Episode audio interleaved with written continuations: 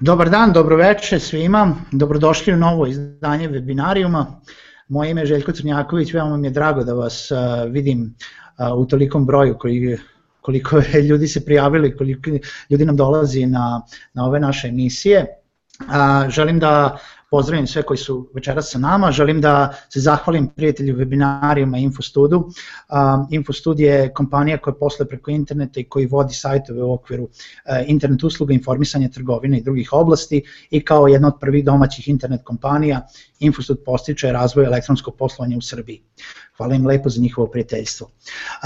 Večeras webinarijum tema uh, je startup, opet startupi, znači uh, vraćamo se na temu kako razviti uh, startup. Naša gošća uh, večeras je Zoja Kukić iz Startit RS. Zoja, čao. Ćao svima, ćao Željko, hvala na pozivu. Hvala ti lepo što si došla večeras. Zoja je sa nama je došla kao jedna od veoma jedna od najmerodavnijih osoba koje ja znam da mogu da pričaju na ovu temu uh, i kao takva uh, ona će nam prvo reći, ja ću tebi da dozvolim da nam kažeš čime se baviš, čime se to Startit uh, bavi i ovaj, kako, kako ste vi došli na tu temu da ulazite u tu startup priču i, i šta ste do sada uradili? E, pa super, hvala na mogućnosti da se samo predstavim. U suštini, u početku moje prezentacije koju sam spremila za danas zapravo ima taj jedan deo gde ja pokušavam, prosto pošto verujem da postoji deo publike koji nas ne poznaje, nadam se ne veliki za duše, i htela bih samo da, na, da ukratko objasnim šta je to što smo mi do sada kao organizacija radili i zbog čega smo zbog čega ja večeras ovde pričam nekome kako bi mogao da pokrene svoj startup. Tako da ako mogu kratko da se bacim na našu prezentaciju, nemojte zameriti. E, a, Željko, je se ovo dobro vidi? Odlično se vidim.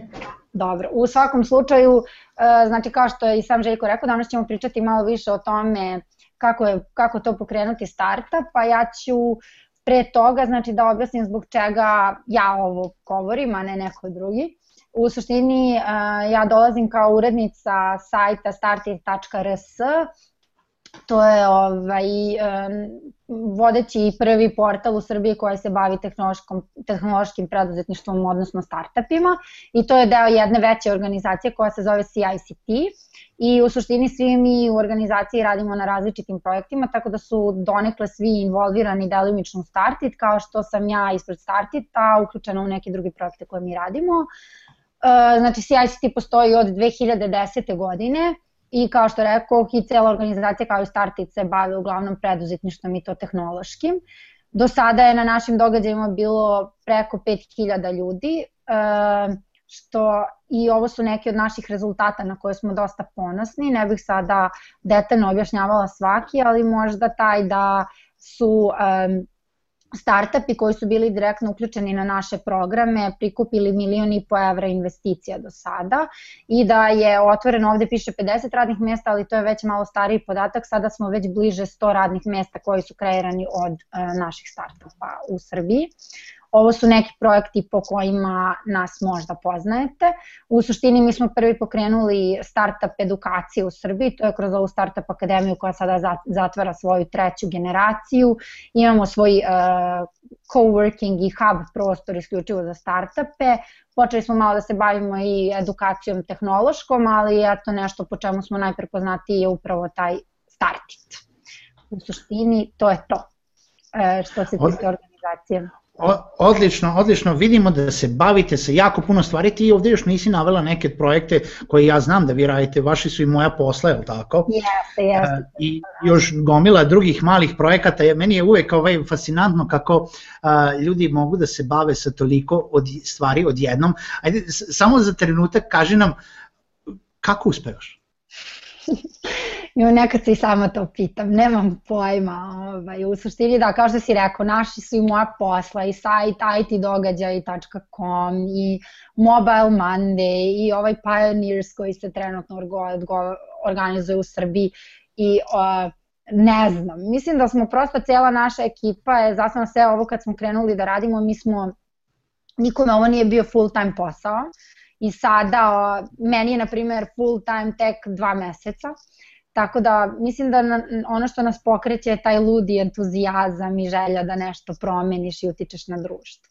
Fantastično. U svakom slučaju to je jedan odličan primer za ono što se veoma često javlja kod nas da, da prestajemo i da izlazimo iz tog nekog momenta kada uh, je biti zaposlen samo na jednom mestu ona cilj, već postajemo neko projektno društvo, barem, barem mladi bi trebalo to da se fokusiraju na to i treba raditi više stvari, treba imati entuzijazma, treba imati pozitive i ako uh, jedan projekat ne uspe, treba se baviti sa još nekoliko projekata, koliko god vam to vreme i energija dozvoli, a energija je ono što je najbitnije. Uh, da se vratimo na večerašnju temu. Zoja, kaži ti nama šta je to startup?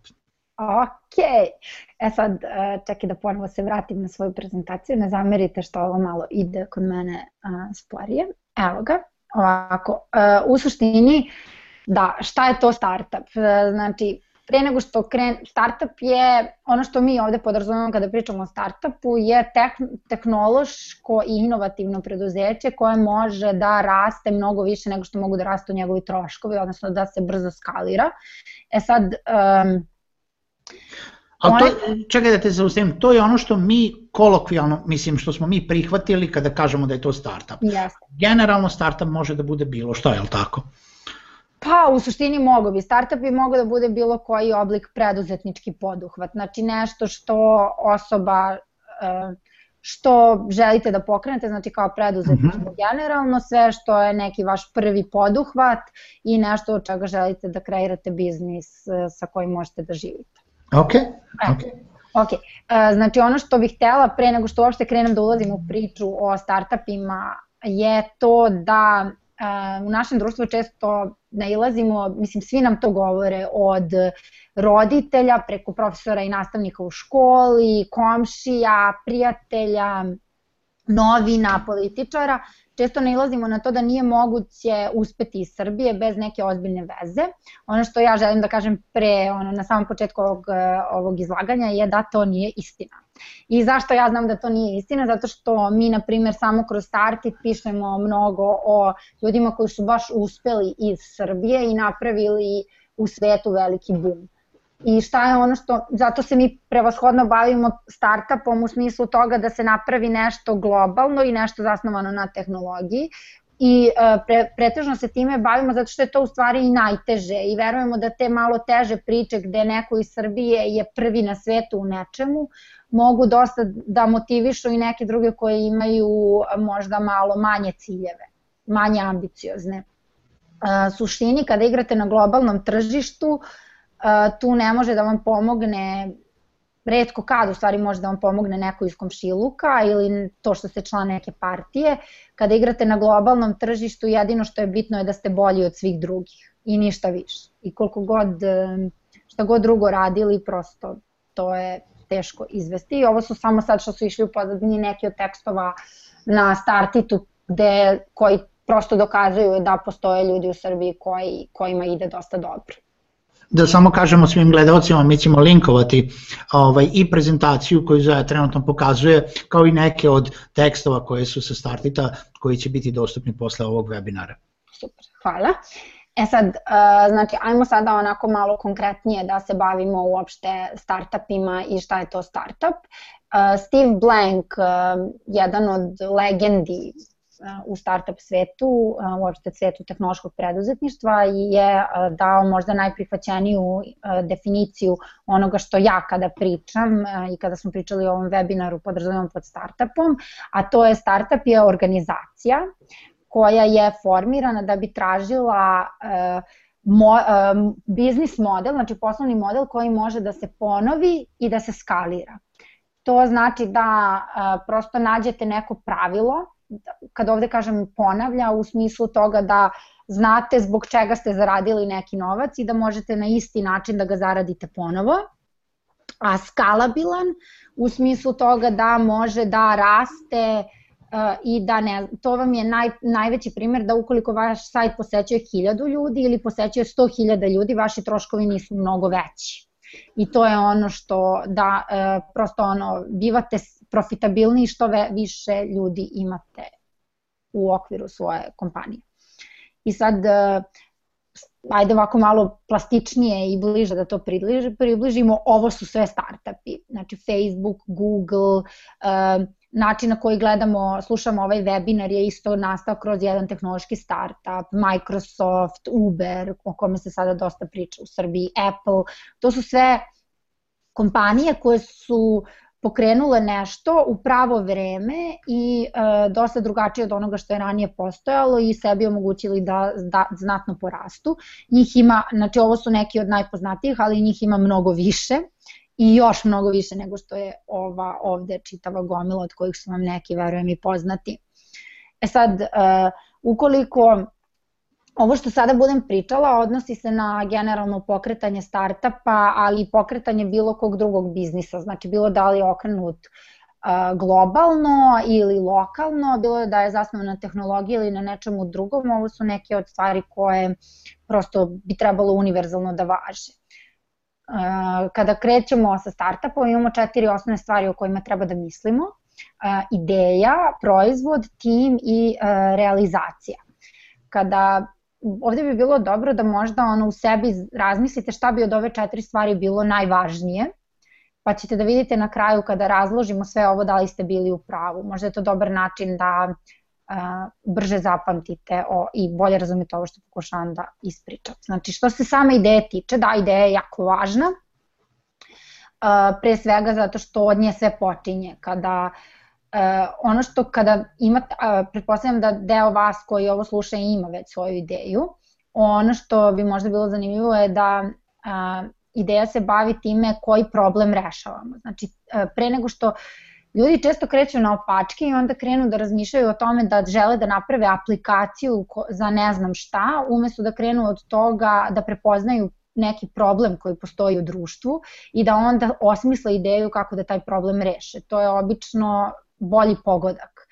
E, ono, druga stvar koja treba da postoji e, kada, kako da znate da li je vaša ideja prava je da li imate jaku želju da je ostvarite i na putu dok je ostvarujete, da li imate osjećaj kao da ste na nekoj posebnoj misiji, da to što radite je zapravo jako dobro.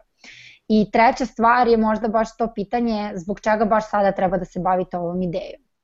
E sad, Um, ja bih da te zaustavim samo tu kod ideje i da te pitam šta misliš što se tiče ideje, jer i to je jako često dobijamo pitanje, ili kad pričamo sa ljudima vezano za startup, jeste da kako, kako sada smisliti nešto novo što, što još nigde nema. Da li ti misliš da uopšte treba ljudi da se fokusiraju na nešto kompletno novo, jer ujedno imamo uvek i onu, onu frazu da a, ne, ne možete izmisliti ništa novo, sve već postoji. Jel tako? Sve što vredi, nešto postoji. Ako ne postoji tako nešto, onda zapi, zapitajte se da li treba da postoji ili da li se neko već seti od toga da li o, i to nije uspelo.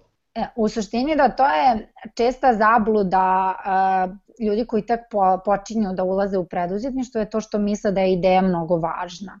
Uh, na primjer, samo u Srbiji ja znam nekoliko startapa ili u stvari nekoliko ljudi koji meni priđu i kažu ja imam jednu ideju, ali ne smem nikome da kažem i onda se na primjer desi da je to ista ideja kao što je ima neko ko, s kim sam razgovarala tri meseca ranije.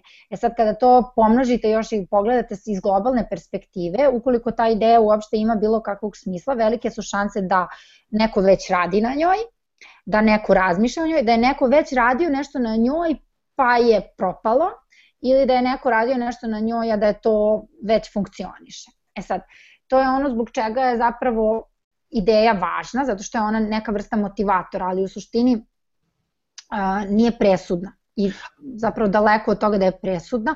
I to da je ih ima više je prosto neko stanje konstantno, znači prosto očekuje se da će ih biti da tu na toj istoj ideji već neko radi i u startup svetu se generalno kaže ako imaš konkurenciju to je dobar znak. Znači da postoji smisao negde u tom. Potražnja. Yes. Potražnja. A ja, e, još ću te zaustaviti, samo jednu stvar si isto rekla i to je isto jako interesantno jer sam isto baš često nailazio na to. E, da li je dobro da se priča o ideji ili baš da li je dobro da što oni ljudi naši kažu ja ću sada da čuvam moju ideju jer ako je kažem nekome on će da je ukrade i da uradi bolje od mene zato što on ima više para, više uh, veza u tom smislu i da. tako nešto.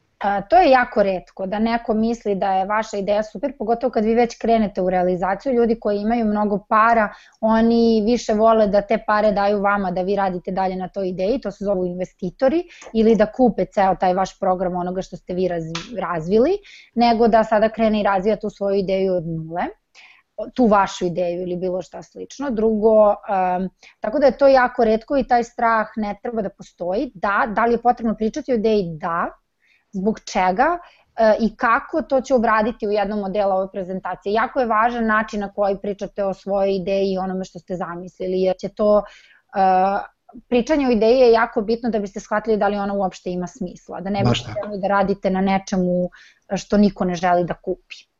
Ok, ajmo na sledeći korak. Ajmo dalje, da. E, znači idemo sada, e, kada smo pričali sada o ideji, um, ono što na sledeće uh, ide posle toga je tim. I ovo uh, u samom početku razvoja startupa je možda i najvažnija, najvažnija stvar zapravo ko su ti ljudi koji rade na tome. Bilo bi dobro, znači sve ovo što sada pričam nije to sada sve uklesano u kamen, ali kao prosto i investitori i generalno najuspešniji su oni timovi koji imaju dva ili tri osnivača, znači da to nije samo jedna osoba. E sad, s druge strane, isto tako imamo, na primer, primere startapa gde je tu bio samo jedan osnivač i opet su bili jako uspešni, tako da se to nikada ne zna, ali zbog čega je tim važan je upravo zbog tog zato što bi bilo dobro da uvek nađete ljude koji su bolji od, se, od vas, jer uh, niko, nije, niko nije u nečemu savršen i zbog toga je uh, vrlo korisno da ljudi koje nađete znaju da rade bolje stvari koje vi ne umete. I s druge strane, uh, na primjer, Mark Zuckerberg, osnivač Facebooka, kaže da bira ljude e, na dva načina, ljude sa kojima radi i partnere, to je da taj neko bude neko sa kim on želi da ode na pivo, znači prosto neko sa kim mu je prijatno i sa kim želi da provede vreme. I drugo, da ta osoba, e, da je, da ako zamisli sebe, da je podređen tom, toj osobi, da mu je ta osoba šef, da mu to bude okej. Okay I to je upravo ono najbolji test toga da li je ta osoba bolja od vas.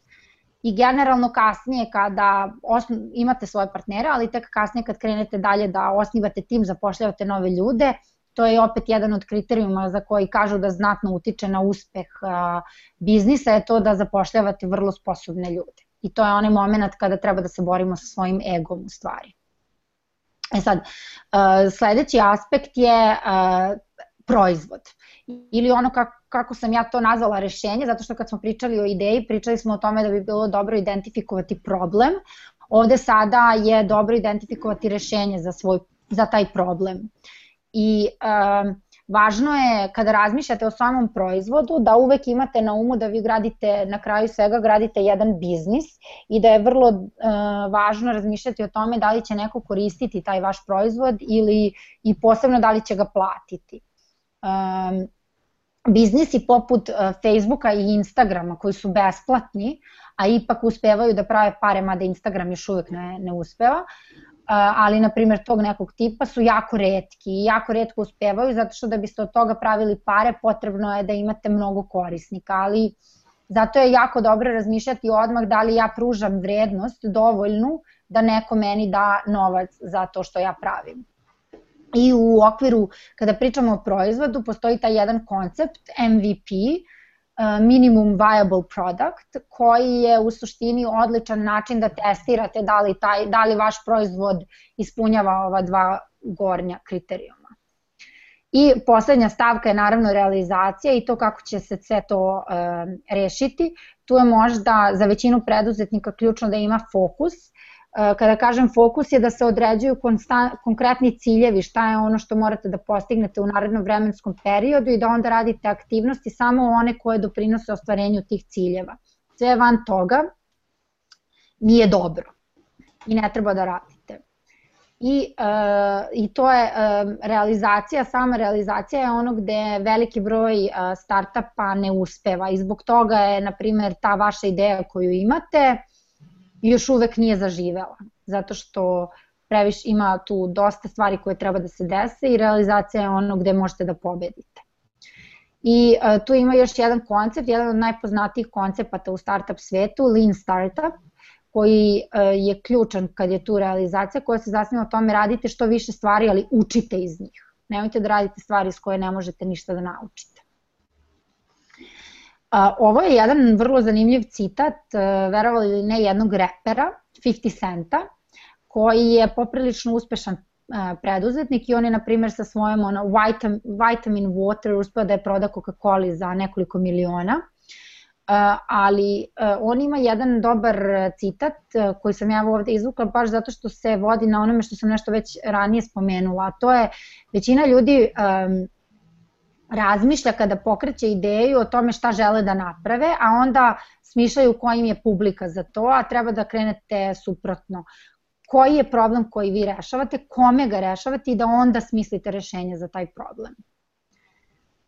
Zato je ono, kad si me ti Željko pitao o ideji, evo ga na primjer jedan odličan primer uh, toga kako ideja nije previše vrijedna, zato što je ovaj startup, to je nekadašnji Book Boat, na primjer to se baš desilo pre par meseci, mislim ova vest je izašla na startitu prošle nedelje. -hmm. Znači Book Boat je uh, startup koji je krenuo da se gradi tako što omogućava uh, zakazivanje tura brodom po svetu, bilo gde u svetu, vi možete da izaberete, ne znam da li je to jednodnevna tura, 10 dana broda možete da za, za rezervišete brod i kapetana i onda je iz toga, uh, oni su utvrdili, to im je bila ideja, i onda su utvrdili kad su krenuli da istražuju, ispituju tržište, shvatili su da to nije zapravo nešto što ljudima treba i da postoji u stvari potreba za nečim mnogo većim. Uh, to jest užim, ali da je potreba mnogo veća i da mogu da prave više para, tako da je ta ideja maltene skroz promenjena.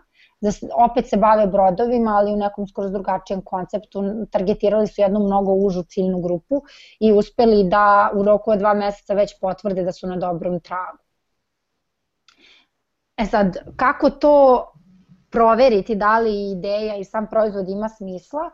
Da bismo o tome pričali, ja bih sada već krenula da pričam o tom minimum viable produktu, odnosno MVP-u koji sam već gore spomenula. Mm -hmm. I mhm. ovo je možda jedan od najpoznatijih e, crteža MVP-a, a to je MVP je, na primjer, ova krofna uh, s vaše leve strane, ako sam dobro uvela.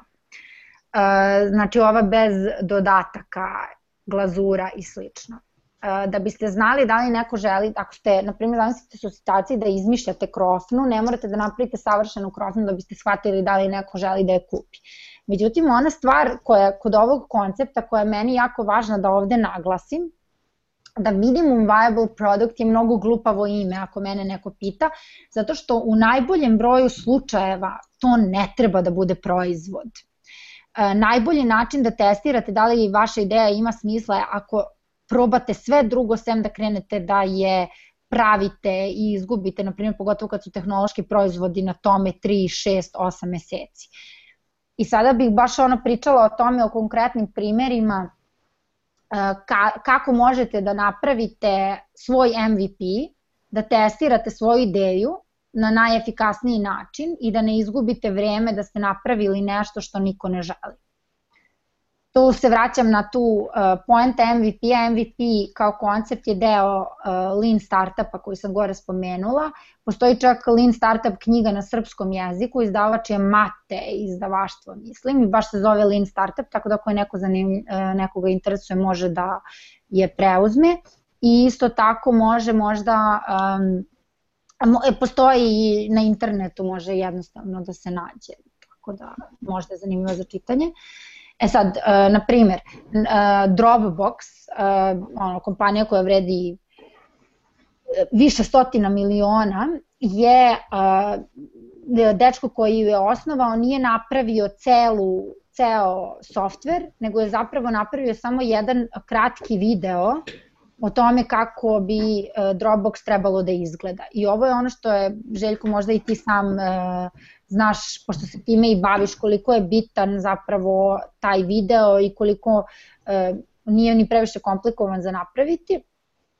A poenta u tome, on je kroz taj video koji su ubrzo e, objasnio kako bi Dropbox funkcionisao. I tek kada je na osnovu tog videa se njemu prijavilo skoro pola miliona ljudi, on je tek tada e, pokrenuo i krenuo da kodira svoj proizvod. Znači ovo je jedan od načina na koji možete da proverite da li to što pravite ima smisla, da ga jednostavno objavite, objasnite i vidite da li uh, bi se ljudi prijavili za tako nešto. S druge strane, ovo što ja zovem, znači ovo su sve neki moji uh, nazivi, uh, e, MVP pešačenje, odnosno pešački posao. A to je da ukoliko imate ideju za neki softver ili za bilo šta slično, ne treba da nema potrebe da sada gradite ceo algoritam i softver, nego već jednostavno možete da probate da uradite te stvari, što je više moguće stvari peške, samo da biste potvrdili da li to ima logike. Tako je, na primer, Artwork, to je, znači pričamo o godini 2007. na primer, um, hteo da bude bolji pretraživač od Google-a i uh, umeđu vremenu je postao nešto gde postavite pitanje, a on identifikuje ljude koji će vam dati najbolji odgovor na to pitanje. I sada oni u početku nisu imali platformu, nego su njihovi prijatelji odgovarali na ta pitanja. I to je ono što je super, znači nisu se zatvorili u kod i smišljali nešto što ne postoji, nego su tek, ja mislim, kada su skupili ono nekoliko miliona evra investicije, tek su tada napravili full uh, software koji kompletno radi. Ovo je uh, druga, znači treća opcija u stvari kako možete da testirate svoju ideju je da napravite jednostavan website, bukvalno samo ono takozvanu landing page koja ima um, uh, i da provučete neke kampanje na društvene mreže, da li kroz Facebook, Twitter, Google Search i da proverite uopšte da li to ima poente. Napravite dugme kupi E, moj najbolji, moj jedan od ono, omiljenih primera dolazi baš iz Srbije po tom pitanju, to je Vukan iz Fishing Bookera, koji je, na primer, pokrenuo svoju firmu tako što je postavio website na kome njegova ideja je da zakazuje pecaroške ture širom sveta. I on je napravio, prvo je uh, napravio sajt koji registruje, koji, preko koga možete da zakažete uh, pecaroške ture u Tampa Bayu. Međutim, on nije imao apsolutno ništa van tog sajta. On je našao na internetu slike nekih kapetana, okačio i platio 50 dolara za reklamu na Google kada neko traži fishing trip Tampa. I prvi zahtev je obavio ručno, telefonom, pronašao kapetana i kada mu je taj kapetan pristao da uplati njegovu proviziju putem Western Uniona, znači Vuka, Vukanu koji je iz Srbije, kapetan iz Amerike, kada je hteo da mu uplati, Vukan je znao da ima biznis i da rešava stvaran problem. I tek je tad osnovo firmu i tek tad krenuo da radi na onome što se zove backend, ono pozadini, da kreira ceo taj sistem uh, zakazivanja tura i da zove različite kapetane. Isto tako jedan način da proverite da li vaš biznis funkcioniše može korištenjem nekih od crowdfunding uh, ovih platformi, kao što je na primjer Kickstarter ili Indiegogo. Znači na taj način možete da napravite, predstavite ideju svog uh, biznisa i uh, pozovete ljude da zapravo doniraju neki novac, odnosno pretplate se na taj vaš proizvod. I to je odličan način kako i za promociju, tako i e, da zapravo proverite da li je iko spreman to da plati. Ovo je, na primjer, isto jedan tekst iz start, sa startita o uspehu kanadskog tima koji ima jednu srpkinju u sebi. Na primer, sledeće šta možete, fokusirajte se na samo onu jednu stvar koju pružate. To je, evo, na primer, kako je nastao Yahoo tako što nije imao čak ni search opciju, pretragu, nego je bukvalno bila lista lista web sajtova na različite, koji su tad u to vreme bili zanimljivi na webu. Um, ili, na primjer, mi smo ovo uradili kada smo pokretali naše startit poslove, to je možda bliski primer. Mi, startit poslovi su sada cela, uh, ceo ono job board oglasnih poslova, ali pre nego što su to postali, mi smo imali u stvari samo jedan nedeljni post koji je bio poslovi u IT-u. I kako je taj post rastao, i kako su nam kompanije komunicirale da od njega dobijaju veliki broj zaposlenih, mi smo tek tad krenuli da gradimo startit poslove kao proizvod. Znači, koliko nam vremena je kurs, koliko nam je vremena trebalo da objavimo jedan nedeljni post u WordPressu, 5 minuta, 5 minuta do pola sata u zavisnosti od toga koliko je oglasa bilo, a e, koliko nam je trebalo da izgradimo ceo sajt koji trenutno postoji, ono 2-3 nedelje. Tako da računajte u tom vremenu u vremenu. Znači mi smo testirali nešto na osnovu 5 minuta. Da, baš to što kažeš, ovaj, uh, i nije, mislim, to nisu samo jedini primjeri, ima još mnogo, mnogo primjera no, šta našiš, šta, šta uh, drugi koji su jednostavno, bukvalno pričajući samo o svojoj ideji, bukvalno stavili taj neki pre-order u landing page, Upravo, e, videli da li spustili ovaj, 10 dolara reklame na Facebooku i videli da su našli preko 1000 kupaca već sada. Evo, Zoja je pričala, ja ću da pokažem, znači ovo je knjiga o kojoj je pričala na srpskom jeziku, Lean Startup, Eric Ries, Mate ovaj, Beograd je izdavaštvo. Ovo smo mi pokupili na webizu ove godine, znači ovo je odlična knjiga za bilo ko ko želi da se počne baviti startupom i preduzetništvom generalno sa puno korisnih saveta kao takvih. Tako je. I e, znači na kraju ono što je možda i najbolji način za proveravanje svoje ideje, odnosno MVP, je kroz razgovore sa ljudima. I to je ono, Željko, što si ti krenuo da me pitaš na početku, na koji način razgovarati sa ljudima o svojoj ideji i da li treba razgovarati, da treba razgovarati. I tu ima jedna uh, tehnika, generalno samo evo pre nego što kažem bilo koja vrsta MVP-a i sve što radite, znači cilj je da naučite što više iz toga što radite. Znači da pokušate da uradite što manje, a naučite što više i time se vodite.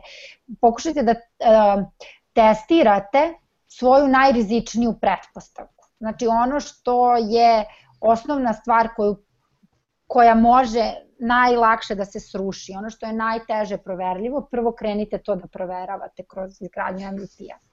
E sad, što se tiče razgovora, tu je najbolji um, jedan koncept koji je ono opšte prihvaćen u startup svetu, a to je takozvani MAM test, um, uh, koji je nastao kreirao Rob Fitz, to je jedna uh, mala knjižica od 80 strana, može isto da se nabavi online i uh, ima samo na engleskom, nije još prevedena na srpski, ali uh, knjiga je fenomenalna i kreirao je Rob Fitz koji je nakon uh, tri ili četiri neuspešna startupa, on je inženjer, počeo da analizira zbog čega je, su njegovi startupi failovali. I um, Uglavnom, ja sam preuzela robove prezentacije, nadam se da to ljudi neće, um, neće zameriti, ali sam razum, pretpostavila da ono rob naj, na najbolji način može da predstavi ono o čemu je radio i, na čemu, i šta je osmislio, pa nisam htela da se pravim bolje od njega. U svakom slučaju, uh, poenta je u tome da kada vi sa nekim razgovarate, uh, vi, uh, važno je da razgovarate s ljudima kako biste proverili svoju ideju. E sad, vi sada krenete da razgovarate s nekim i čini vam se da ste, uh, da bivate naučni, da prikupljate podatke, a u suštini može da se desi da dobijate vrlo loše podatke, odnosno podatke koji nisu realni i iskreni. I sada tu imaju dva tipa uh, loših podataka, to su komplimenti uh, pod jedan i pod dva neka vrsta kao ništavila, nekog flafa u stvari. Šta su kada kažemo komplimenti? E, to je da uglavnom vam neko kaže jao to zvuči super, baš mi se sviđa i oni su loši zato što vam daju to nešto što se zove lažni pozitivi. E, u smislu da vam kaže neko jao to izgleda super, e, držite me informisanog, vama to ne govori mnogo, I poenta u tom, i to nije pravi podatak. Znači vi ne znate kako ste došli do njega i da li je to nešto za što treba da se kačite. I druga stvar je ovaj e, takozvani ono na engleskom fluff ili kićenje. I, može i tako, da. Uh, koji podrazumeva uh, generalizaciju, kada vam neko govori nešto u, generalizuje, mi uvek ne, uh, buduća obećanja i hipotet, hipotetisanje. Znači, to su sve tri loše stvari. Sve što je generički je laž. Znači, kada vam neko kaže mi obično, ja uvek, ja nikada, to baš i nije dobar podatak, zato što ljudi često ne umeju da e, razlože šta je ono što stvarno rade od onoga što bi, ne znam, želeli da rade ili što misle da bi bilo dobro da kažu da žele da rade. I u takvim situacijama kada vam neko kaže da ja uvek uradim to i to, bilo bi dobro da ih pitate da vam konkretno ta kaže šta se desilo poslednji put kada se to desilo, pa i put pre toga, znači da vas provuče, provede kroz konkretnu akciju umesto znači kroz konkretnu akciju umesto da vas provede kroz neku generalizaciju. Ili znači kako si ti doneo tu odluku prošli put, znači fokusirajte se na to. Um, na primer, evo ga, hipotetisanje uh, ja ja bi možda radio to, mo, mi ćemo to uraditi, to vam ne kaže mnogo, zato što ljudi ne mogu da predvide svoje buduće aktivnosti. I zato treba da pitate zašto ne možemo da krenemo odmah, na primjer. E sad, uh, ovo je onaj deo što sam već krenula da pričam, kada pričamo, pitamo ljude za svoju ideju, mislimo da prikupljamo dobre podatke, ali ono što se najčešće dešava je da mi smo se vezali za našu ideju i mislimo da smo lepi, dobri, pametni i u stvari tražimo od drugih ljudi potvrdu za to. Znači, razgovori e, idu loše po, što se kaže, po defaultu i naš posao je da ih popravimo. I ovo su neki načini e, na koji bi bilo dobro da kako bih to rekla, znači da možemo da popravimo razgovore, ne treba biti previše formalan. Nemojte da zakazujete formalne sastanke da biste saznali šta ljudi misle o vašoj ideji. Ono što vam je u stvari potrebno je da znate šta je ono što hoćete da saznate kada pričate sa ljudima i da pričate o njihovom životu. Meni je, na primer, generalno uopšte ovaj MAM test je dobar ne samo za pokretanje startapa i proveru ideje, nego je dobar i kada pričamo o prodaji, na primer, ili o zapošljavanju. I dobar je, dobra je tehnika uopšte za saznavanje novih stvari. I uopšte zašto se zove MAM test je zato što postavljate pitanja koja vam ni, na, koje vam, na način na koji vas ni rođena majka ne bi slagala da vam ne povredi osjećanja. Jer ono što vama treba su iskrene informacije ono kada prodajete nešto vama treba zašto neko to neće da kupi da biste mogli to da popravite i da ga da sledeći put uzme. To što će neko da vam kaže da vas laže, vama to ne treba, ne donosi vam nikakvo dobro u suštini. E sad, uh, ovo je ono, na primer, kada smo mi radili baš na Webizu radionicu na Startup Akademiji, ja sam rekla najlakše je ljudima da provere svoju ideju, tako što, na primer, će na Webizu za vreme ručka da pročavrljaju sa nekim o tome. I to je ono, nemojte da zakazujete sastanak, nego probajte da to uradite u nekoj neformalnoj atmosferi. Ako se vaš e, startup bavi kamionima, probajte da odete na neki skup kamionđija ili idite na uh, benzinsku pumpu ili na carinu, tamo gde ima kamionđija i onako probajte neformalno da sa njima pričate o tome. Nemojte baš dok su na carini. Jeste, pa dobro, ali eto to je. Stres. Tačno. Tačno. I sad, e, druga stvar o kojoj treba, ne sme, kada pričate o svojoj ideji, proveravate da li ona ima smisla, nikako ne treba da uh, izlažete svoj ego. To znači treba u svakom trenutku da izbegavate, ne, uh, nemojte da kažete imam super ideju za aplikaciju ili imam jedan tajni projekat na kome radim, Znači, tada će vas ljudi slagati, a slagaće vas zato što, ne žele, zato što nemaju neko posebno mišljenje o tome, ne žele da vas obeshrabre i ne žele da vas povrede. Znači, čim pomenete svoju ideju, vi e, izlažete svoj ego i onda ljudi e, neće hteti da vas povrede. I poenta je u tome da ne pričate o svojoj ideji, nego o e, njihovom životu. Pokušajte da nekako pričate o tome na što se taj startup vaš odnosi, da dođete do konkretnih podataka, a ne da kažete, e, ja imam neki startup i hteo bih to da radim. generalno treba da pričaju o rešavanju problema. Yes. I da uopšte prvo pre svega utvrde da li je taj problem realan. Znači to je prva stvar. Da li, na primer, sada ja rešavam problem toga što, ne znam, ljudi na venčanjima su uh, previše, što žene u štiklama na venčanjima bole ih noge.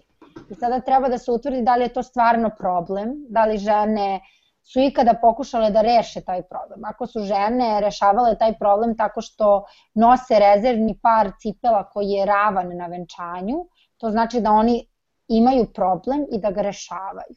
Ukoliko, na primjer, su iz sezona misle da im to nije preveliki problem i da nisu pokušale da smisle ništa da bi ga rešile, onda znači da nemate dobar problem da je to više samo onako problem koji tako tu postoji, ali nije nešto što je vredno rešavanja. E sad, na primjer, i treći, treća stvar koju treba da izbegavate je to da uh, ubeđujete ljude u svoju ideju. Uh, I kada se tako nešto desi, uh, onda će ljudi da vas slažu samo da bi prestali da trpe vašu torturu i a, to svakako izbegavajte jer nećete dobiti dobre podatke i ukoliko se desi, a desit će se tako nešto, izvinite se i nastavite da čujete, da čujete priču zašto se osobi, na primjer, to ne sviđa. Ili zašto to ne vidi kao problem, jer to je ono što je vama bitno. A, znači, uglavnom poenta treba da bude da pričate malo, a mnogo pitate.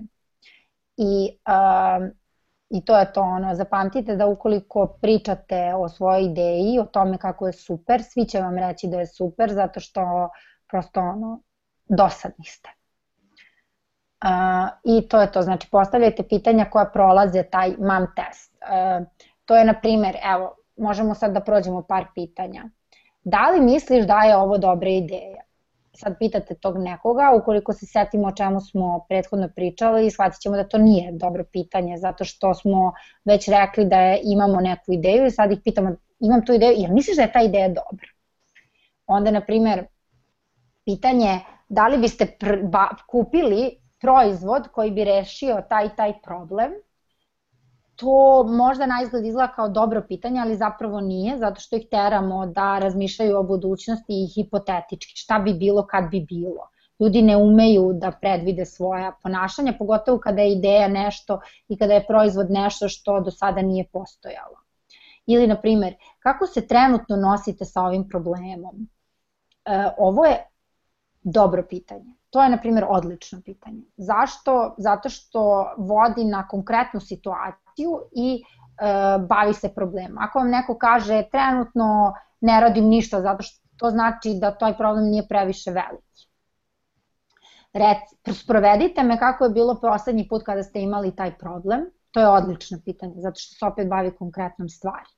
Onim što vas zanima, onim što se stvarno desilo, onim što su stvarno ljudi uradili koliko biste platili za ovaj proizvod? Tu opet nailazimo na hipotetičko ponašanje, šta bi bilo kad bi bilo, što ga čini lošim. Ili, na primer, koliko vas ovaj problem košta? E, ovo je zanimljivo pitanje i ono je jako dobro pitanje, zato što saznajete e, može da vam da informaciju koliko biste mogli da naplatite svoj proizvod ili isto tako može da vam da informaciju, e, dobru informaciju za nešto što ćete kasnije staviti u vaš, e, vaš ono, prodajni pitch, što se kaže. Da li postoji budžet za to? Ovo je, na primjer, kada radite sa kompanijama jako važno pitanje. Može da bude da je problem jako veliki, ali da trenutno nema mogućnosti da se iz kompanija plati za to. S kim bih još trebalo da razgovaram? Ovo je, na primjer, pitanje sa kojim svakako treba da zatvorite svaki sledeći razgovor svaki razgovor, jer ljudi mogu da vam daju jednu potpuno novu perspektivu i novo tržište čak. Znači, da sumiram, MAM test pitanja, pitanja koje prolaze MAM test e, su e, ona kada pitat, pričate, kada su odgovori na njih takvi da pričate o životu, a ne samo o vašoj ideji. Um, obavezno pitajte o specifičnostima i konkretnim aktivnostima u prošlosti i manje pričajte, više slušajte.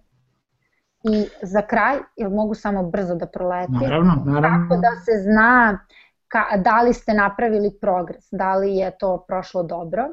Kada vam neko kaže ovo, to je kompliment i to nije dobro. Znači, treba vam konkretna informacija. Ili ove, opet ovo, zašto ne može da vam kaže nešto već sad? E, mogu da vas e, uputim na nekoliko ljudi kada ste spremni, zašto je to, to i dobro i loše, zašto vas odmah ne uputi na te ljude to bih sigurno kupila. To nije dobra informacija za vas, zato što opet se bavi e, predviđanjem budućnosti, a kao što smo učili, ljudi to ne mogu da urade. Znači, najbolje od svega je da nekako nakon tih razgovora dođete do nekog, neke vrste obavezivanja.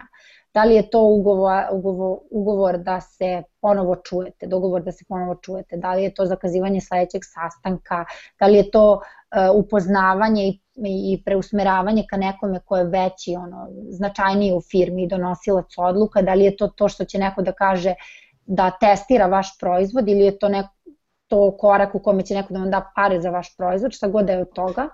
Um, jako je važno da imate sledeći korak i tako tek možete da utvrdite da li to ima poente. I to je to. Pre nego što pređemo na, na sledeću temu, ja isto ću tako sad ko ti, ja sam, ja sam pažljivo slušao, pošto sve ovo onako, ja uvek kažem, prekinuću vas ako ima nešto da se produbi, ja sam onako samo slušao kao pravi učenik maliko na, na ovoj malo jednoj startup akademiji, ali generalno ovaj, ti mene ispravi ako grešim, ali a, znači kada pričate sa drugima, bavite se njima, nemojte se baviti sa... Znači, bavite se njima, bavite se, zainteresovani ste za njihove probleme, jer te probleme rešavate.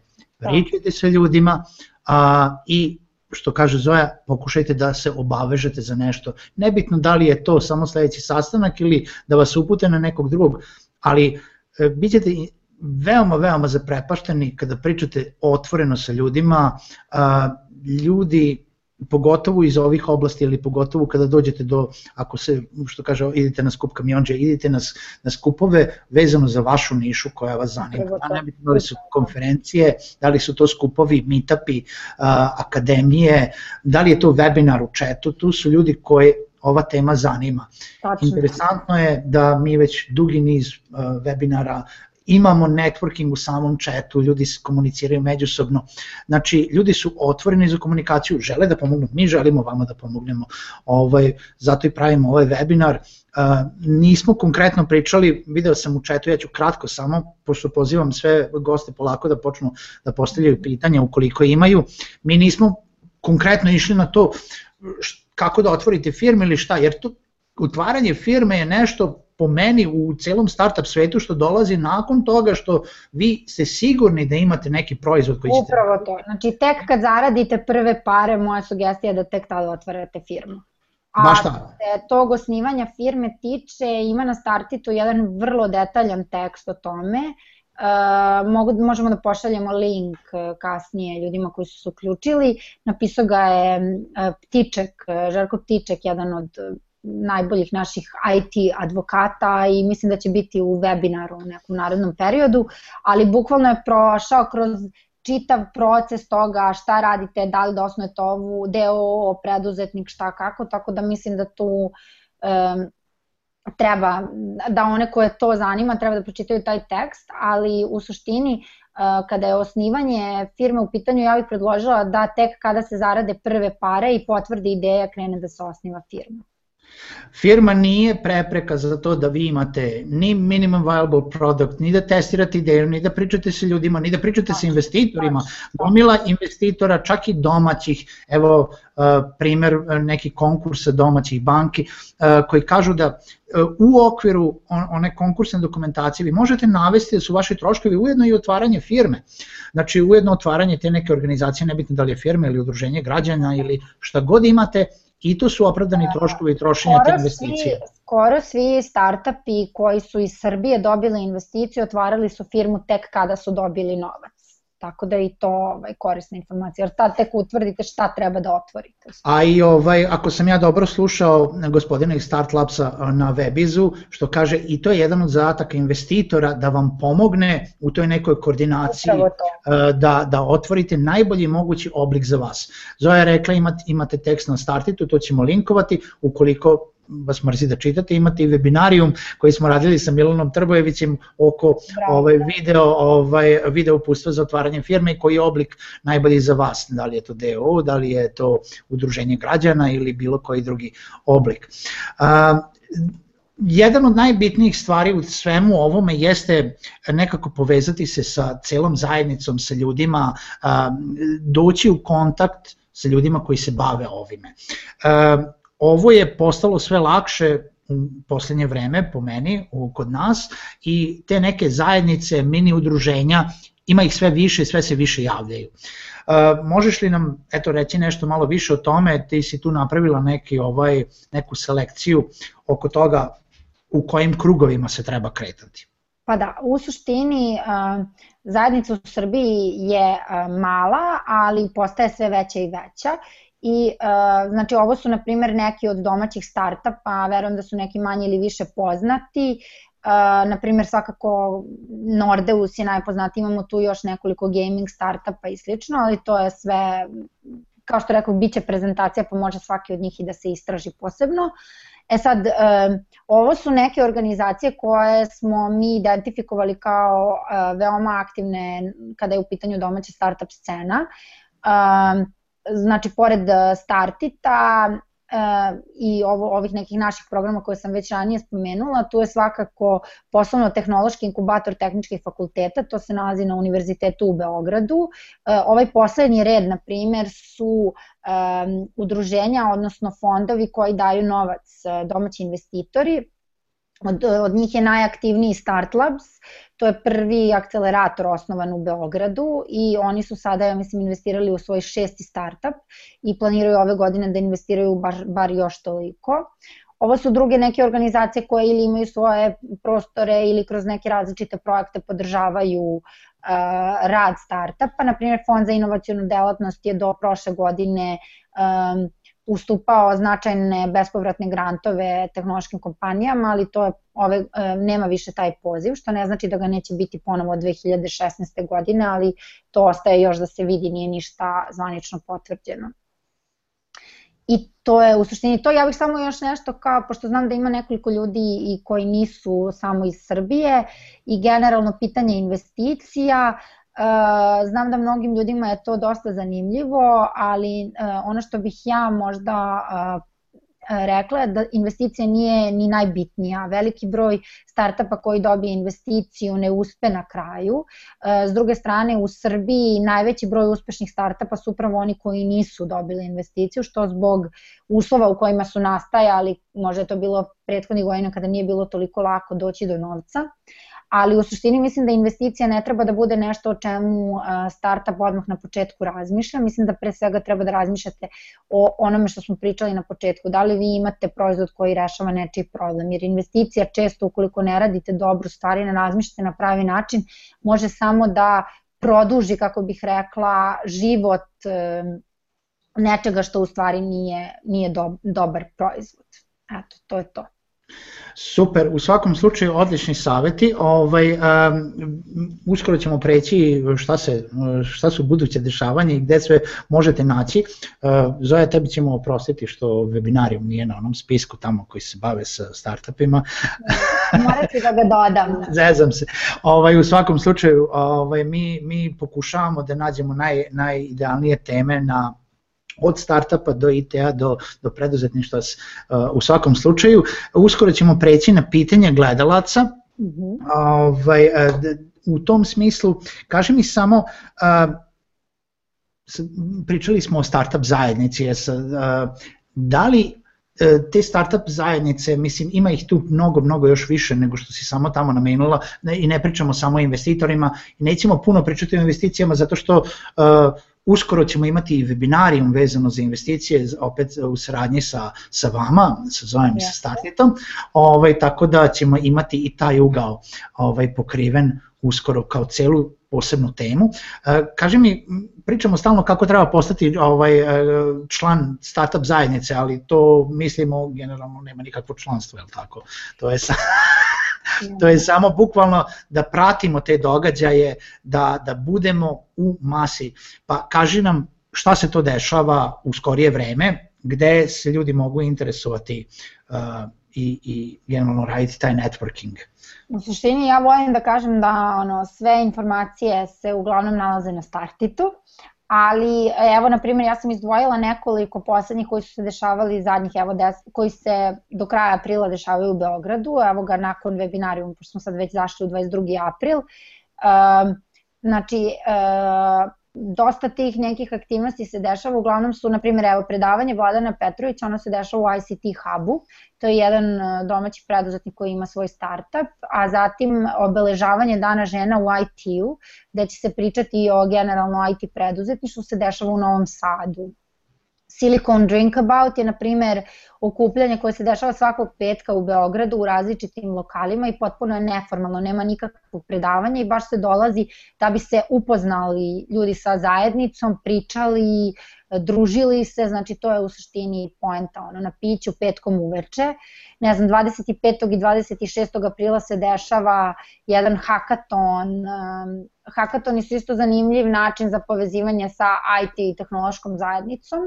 28. aprila imamo događaj, to je utorak, uh, Pioneers Festival je jedan od najvećih festivala startup, startup događaja u Evropi i oni organizuju svoje lokalne događaje širom sveta i e, drugi po redu se dešava u Beogradu 28. aprila. Biće prilike da pičuju domaći timovi, znači čućemo i neke domaće timove, a pričat ćemo malo i o e, pojačanoj, odnosno augmented reality, tako da će biti zanimljive teme. I evo, 30. april je opet uh, događaj u ICT Hubu. Znači, u suštini, uh, pogotovo uh, maj, april, maj uh, su prilično intenzivni uh, događajima, uh, meseci i njih u suštini treba oni su udarni, ali generalno kako postati deo zajednice jeste i kroz događaje, jeste i kroz različite konferencije. Eto, na primjer, imali smo nedavno web iz konferencije u Zrenjaninu gde se okupio veliki deo zajednice, ne samo ljudi iz Renjanine ili Vojvodine, nego prosto ono iz drugih delova Srbije. 16. maja se dešava web dan u Boru, gde će biti isto dosta ljudi. Znači, međutim, Ono što bih naglasila, još postoji mogućnost e, internet e, članstva u zajednici. E, postoji vrlo aktivna grupa koja ima preko hiljadu članova grupa na Facebook, zove se Startit zajednica i to je u suštini grupa koja okuplja domaće preduzetnike i tu mogu da se postavljaju ljudi često postavljaju se različita pitanja, najave nekih događaja, sugestije i slično, tako da je možda zanimljiva za sve one koji žele da se upuste u svet startupa, eh, da vide šta se tu dešava. I samo još jedna stvar, ono što ja mnogo volim kod domaće startup zajednice je ta što stvarno i generalno globalnih startup zajednice je ta što ljudi stvarno pomažu jedni drugima. Tako da ne treba, pogotovo ako ste novi, ne treba da vam bude glupo da pitate nešto, da, zato što su eh, svi bili na tom mestu kada su tek ulazili u nešto, E, nema te konkurencije jer svi pucaju na globalno tržište i, i prosto ima to razmišljanje ako uspe neko ko je sa ovog, iz ovog dela Evrope može samo da doprinese da drugi neki proizvodi bivaju vidljivi. Tako da je stvarno ono možete da očekujete na veliku podršku i razmenu znanja. U svakom slučaju ja se apsolutno slažem sa time, ima mnogo projekata u, mislim, koji su namenjeni uh, i da bi cela ova zajednica širila svoje znanje i, i dobru volju, Ujedno evo možemo da kažemo da svi gosti webinarijuma su uh, bukvalno gosti i svoje dobre volje koji žele da podele uh, svoje znanje i iskustva sa našim gledaocima. Uh, ima tu još gomila drugih projekata, ima podcasta koji se počinju javljati na našem tržištu koji, koji isto tako šire tu, tu dobro pozitivnu energiju i znanje. Jer pozitivna energija i ta neka lična iskustva koja imamo je ovaj najvrednija stvar koju mi možemo da podelimo i ono što ja kažem što zašto ja sve ovo radim jeste zato što bi volio da je sve ono neko radio kad sam ja počinjao. Pa ajde ovaj izvini samo, meni je isto super, uh, najveći primer toga kako su ljudi spremni da dele svoje znanje može da se vidi i kroz različite, na primjer, autorske tekstove na startitu, gde veliki broj preduzetnika bukvalno priča o svojim lekcijama, iskustvima koje su naučili, piše da bi to podelio sa što većim brojem ljudi. I generalno mislim da je to ono možda naj, najvažnije. Slobodno pitajte, tražite savet, tražite pomoć, tražite da se upoznate sa nekim, pitajte, to nije sramota. Ovaj, I ljudi će stvarno odgovoriti, iznenadit ćete se u kolikom broju u suštini. Dobro, ajde da krenemo malo na pitanje publike, to je ovaj naša prednost eh, shodno da uživo radimo ovaj uh, prenos, uh, pa ja ću da čitam, a ti zove što u što moguće ovaj uh, kraćem odgovoru ili sažetijem odgovoru daš konkretnu informaciju, a ja ću da potpomognem šta, za ono što bude mogao. Kaže ovako, odličan startup plus srednji ili loš marketing u odnosu na loš ili prosječan startup plus odličan marketing? Šta misliš da je bolje? Uh, ovo sa lošim marketingom. Znači, dobra ideja, dobar startup sa lošim marketingom je bolja. Mislim, dobre su jedna i druga varijanta, ali uh, ukoliko imate loš proizvod, nikakav marketing vam neće pomoći, uh, korisnici će otići. Uh, ukoliko imate odličan proizvod, ali ne baš e, dobar marketing, onda možete da se oslonite na to da postojeći korisnici, da će postojeći korisnici ostati i da će oni e, postati vaši evanđelisti. Najbolja situacija u kojoj možete da se nađete je da vaši postojeći korisnici obožavaju vaš proizvod, da se njemu često vraćaju da ga koriste, da ono daju novac za njega. I to je onda situacija u kojoj možete doći i do investicije koja bi vam pomogla da intenzivirate marketing, a možete nekako i te svoje korisnike da konvertujete u svoje evanđeliste. A, drugo pitanje, angel investing u Srbiji. Angel in... Ukratko, ima li ga Ima li ga, e, šta je, evo ja ću da te pitam prvi, šta je razlika između angel investinga i klasičnog nekog ovaj investitora, mislim ono ili recimo akceleratora ili o, inkubatora. A, i, i mada možda ćemo to ostaviti za onaj, za onaj webinar detaljniju priču o investitoru. Da, pa u suštini a, a, a, in, biznis anđeli, odnosno poslovni anđeli su a, ljudi, uglavnom preduzetnici koji su uspeli i koji sada žele na drugi način da ulože svoj novac i po definiciji oni osim, osim novca ulažu i deo svoje ekspertize i prosto uh, pomažu startupu da raste. Uh, drugačiji su zato što je to prosto pojedinačan investitor za razliku na primjer kada ulazite u neke od fondova, to je već posebna institucija, mada u poslednje vreme se čak i poslovni anđeli udružuju u mreže i grupacije. Uh, poslovni anđeli u Srbiji, znači postoji organizacija Serbian Business Angels Network, ESBAN, oni postoje već e, dugi niz godina, um, ne znam, mislim da još nije poznato ni to koliko imaju članova, ali na primjer organizuju fundraising, to je jedna od konferencija koje organizuju, različite neke edukacije i događaje. Uh, nemamo informaciju o tome u koje su startupe do sada investirali, to su onako dosta tajnoviti, ali tako da nisu previše aktivni, ali postoje. E, generalno, e, dosta toga treba da se uradi na polju e, edukacije, obrazovanja, preduzetnika i bogatih pojedinaca kako bi pokrenuli i krenuli da investiraju u domaće startupe. Trenutno to nije još uvek slučaj. Dobro, hvala. Kaže, Oni kupuju nekretnine. pa to baš i nije startup. pa da, zato kažem, moramo da ih malo reedukujemo. Dobro, kaže kako doći do dobre ideje za startup, kako proveriti ideju. I sad ideju smo rekli kako proveriti, ali ajde ovako da krenemo odatle, ako neko želi da dođe do ideje, šta misliš da bi trebao da, de, de bi trebao da gleda? Pa najbolje ideje nastaju zapravo iz nekog ličnog okruženja i možda čak i lične potrebe. I uh, to je, mislim, ide, doći do ideje kada, kada pomislite da želite nešto, a to nešto ne postoji, da vam treba nešto i krenete da, ne znam, googlate, da pokušate